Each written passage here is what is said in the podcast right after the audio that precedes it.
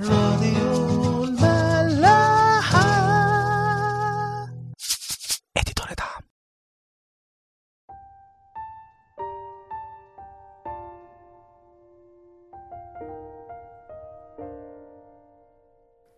أهلا بيكم في حلقة جديدة من برنامج عيش وملح. آخر حلقة كنا اتكلمنا عن أدوني صادق ملك أورشليم أكبر الممالك في عبر الأردن. واللي بيمثل الشيطان وازاي انه اتحد مع أربع ملوك تانيين عشان يهاجموا جبعون المدينة اللي دخلت في عهد مع يشوع وشعب إسرائيل. وزي ما حكينا إنها كانت بالخدعة بس خلاص بقوا مسؤولية يشوع. فلما بيستنجدوا بيه يشوع اللي بيمثل يسوع المسيح بيجي وبكل قوته عشان ينقذ اللي استنجدوا بيه. وكنا حكينا في آخر حلقة برضو إزاي إن ربنا قال ليشوع إنه ما يخافش من الملوك الخمس دول لأنه سلمهم ليه خلاص ومفيش حد فيهم هيقدر يقف قدامه. وقلنا ده إزاي بيمثل السلطان اللي المسيح بيديهولنا على الشيطان وكل أتباعه ومفيش أي حاجة تقدر تضرنا. هنبتدي من أول عدد تسعة في صح عشرة برضو من سفر يشوع وبيحكي إنه يشوع زي ما بيقولوا مش بيكذب خبر ومش بيستنى حتى للصبح وبيروح في ساعتها والدنيا لسه ليل عشان يحارب الملوك اللي بتهاجم جبعون المدينة اللي استنجدت بيه. وده بيورينا حاجتين. أول حاجة إزاي إنه يشوع ما عندوش حاجة اسمها تعبان أو مش دلوقتي والصباح رباح. لا هو عامل زي الدكاترة كده. 24 ساعة هو ملك للمريض وأي حد محتاج له. يجيله تليفون ينزل جري يشوف ماله ويعمل اللازم معاه. هي العيشة مع ربنا كده. يمكن ما فيهاش راحة لينا بس فيها راحة وشفاء لكل الناس اللي ربنا بيحطهم في طريقنا. وراحتنا ساعتها هتيجي بفرحة ربنا بيهم. في أعمال الرسل 10 38 بطرس بيبقى بيوعظ وبيحكي عن المسيح وبيقول إنه الذي جال يصنع خيرا ويشفي جميع المتسلط عليهم إبليس. يعني هي دي كانت شغلة المسيح إنه يمشي ويدور على أي حد متسلط عليه إبليس ويشفيه.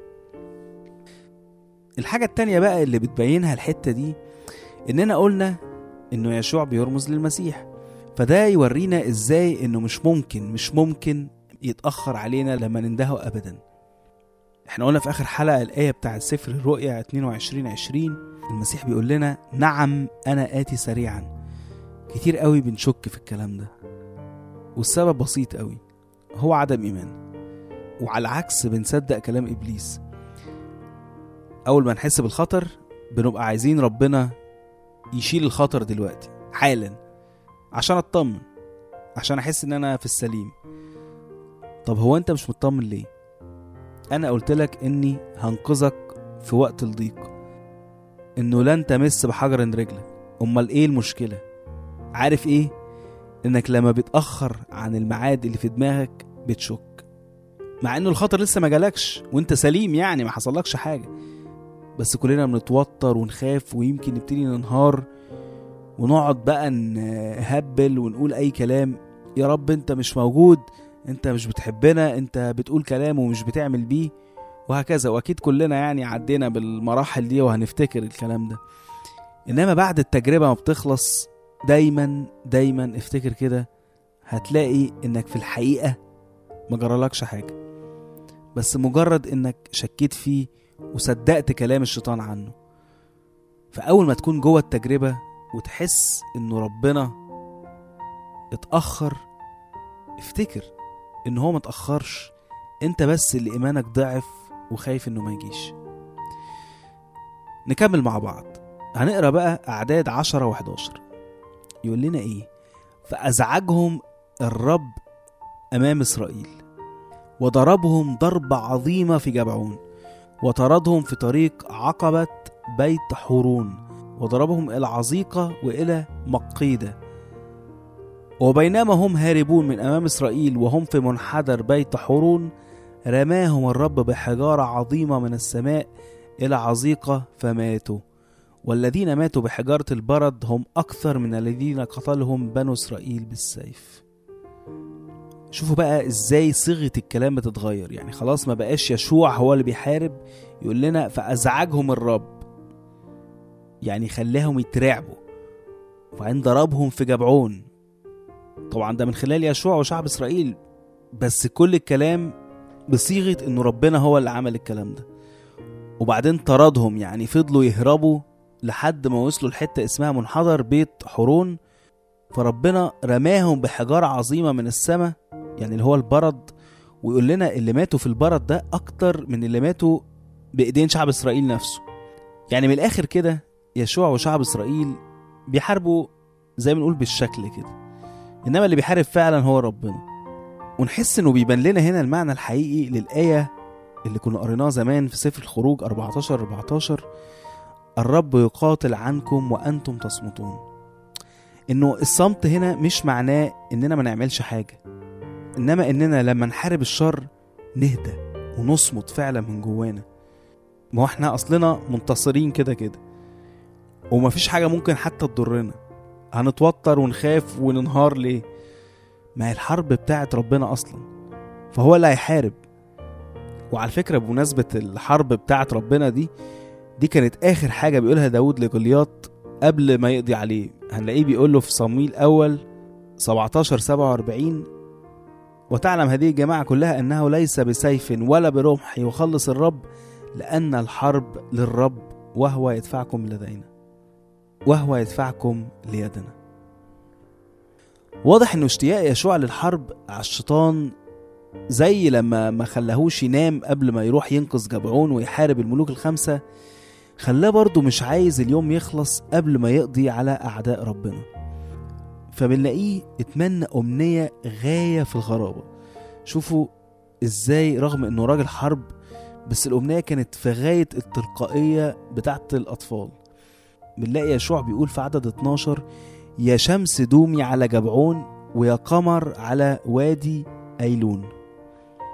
هو عايز يخلص على أعداء ربنا. فمش يتمنى بقى من ربنا إنه يقضي عليهم. لا هو هو بس مش عايز الليل يجي عشان ما يهربوش منه بس هو هيفضل يحارب برضه. فبيقول يا رب وقف اليوم لحد ما نقضي عليهم كلهم. وربنا على طول بيسمع ليشوع وبيعمل كده فعلا. وبنلاقي إنه كاتب السفر اللي هو يشوع نفسه بيأكد إنه قصة إن الشمس تثبت واليوم يطول دي اتذكرت في كتب تانية ملهاش دعوة بالكتاب المقدس. يعني في سفر اسمه سفر ياشر ده ما كانش ليه علاقة خالص بالكتاب المقدس. زي ما كده ما نلاقي حد دلوقتي مثلا بيحكي عن حاجة في الإنجيل وعشان يأكد الموضوع يبتدي يجيب له دلائل علمية قالوها ناس مش مؤمنة أو ملهاش علاقة بالكتاب المقدس.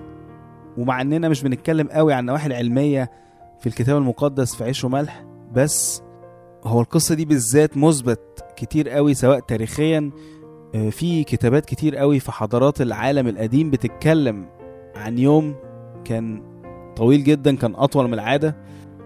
أو في علم الفلك كمان كنت قريت في مرة مقالة بتحكي عن بحث بيثبت صحة القصة دي. المهم إنه ربنا سمع لطلبة يشوع البسيطة التلقائية دي.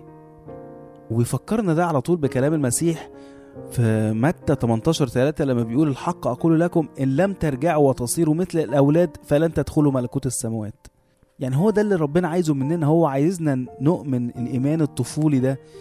الإيمان اللي يخلينا واثقين إن هو ربنا فعلا يقدر يعمل معجزة في أي وقت وبأي شكل. المهم إن إحنا نكون عايزين مشيئته. وبيكمل بعد كده في عدد 14 وبيقول كلام بيورينا إزاي إنه الحرب دي أو اليوم ده من أعظم الأيام اللي عدت على البشرية مع ربنا. هنلاقيه بيقول ولم يكن مثل ذلك اليوم قبله ولا بعده سمع فيه الرب صوت إنسان. لأن الرب حارب عن إسرائيل. شوفوا بيأكد هنا إنه ده من أعظم الأيام اللي ربنا سمع فيها للإنسان. لدرجة إنه غير نظام الكون عشان بس طلبة يشوع. حاجة تانية أخيرة ممكن نتأمل فيها هي موضوع إنه يشوع ما كانش عايز الدنيا تضلم عشان يعرف يشوف أعدائه ويقضي عليهم. وده بيفكرنا على طول بالمسيح اللي هو النور الحقيقي الذي ينير كل إنسان آتيا إلى العالم. فمن غير النور ده مش ممكن هنقدر نشوف أعدائنا ونحاربهم. لا ده بالعكس كمان هنبقى بنتخبط في كل حاجة وبنتكعبل وبنقع. في يوحنا 11 في قصة كده المسيح بيسمع إنه لعازر صاحبه أخو مريم ومارثا عيان قوي وبيموت. فبيقعد يومين كده وبعدين يقول للتلاميذ تعالوا نروح لليهودية عشان نشوف لعازر. فبيردوا عليه يقولوا له إيه؟ يا معلم اليهود عايزين يرجموك وأنت هتروح لهم برجليك. فبيرد عليهم المسيح في آيات 9 وعشرة وبيقول لهم إيه بقى؟ أليست ساعات النهار اثنتي عشرة؟ إن كان أحد يمشي في النهار لا يعثر لأنه ينظر نور هذا العالم ولكن إن كان أحد يمشي في الليل يعثر لأن النور ليس فيه. يعني إيه بقى الكلام ده؟ يعني هو عايز يقول لنا إن ساعات النهار ثابتة وساعات الليل ثابتة اللي هو بيقصد بيها حياتنا. معروف أولها وآخرها. خوفكوا ده مش هغير أي حاجة ولا أنا هموت بدري قبل ما أخلص العمل اللي اداهولي الآب ولا هروبي ده هيطول حياتي. كل اللي هيحصل بس إننا هنعيش في الضلمة بدل ما هنعيش في النور. فطالما إحنا ماشيين كده كده عايشين كده كده يبقى نعيش في النهار على طول عشان نعرف نشوف. نعيش في عشرة مع النور الحقيقي عشان ننور زيه ويورينا الطريق. ونعرف أعدائنا. إنما في الليل في الخوف في البعد عن ربنا عمر ما هيكون لينا خلاص. إنما هنقعد نتخبط ونقع. والشيطان ساعتها هيستفرد بينا ويرعبنا أكتر لأنه الحاجة الوحيدة اللي هترعبه هي النور الحقيقي. هي شمس البر. أنا حابب أقرأ لكم حتة من سفر ملاخي إصحاح أربعة آيات واحد لتلاتة. بيقول لنا فهو ذا يأتي اليوم المتقد كالتنور. وكل المستكبرين وكل فاعلي الشر يكون قشا ويحرقهم اليوم الآتي. قال رب الجنود. فلا يبقى لهم أصلا ولا فرعا. ولكم أيها المتقون اسمي تشرق شمس البر والشفاء في أجنحتها. فتخرجون وتنشؤون كعجول الصيرة وتدوسون الأشرار لأنهم يكونون رمادا تحت بطون أقدامكم يوم أفعل هذا. قال رب الجنود. نشوفكم بكرة.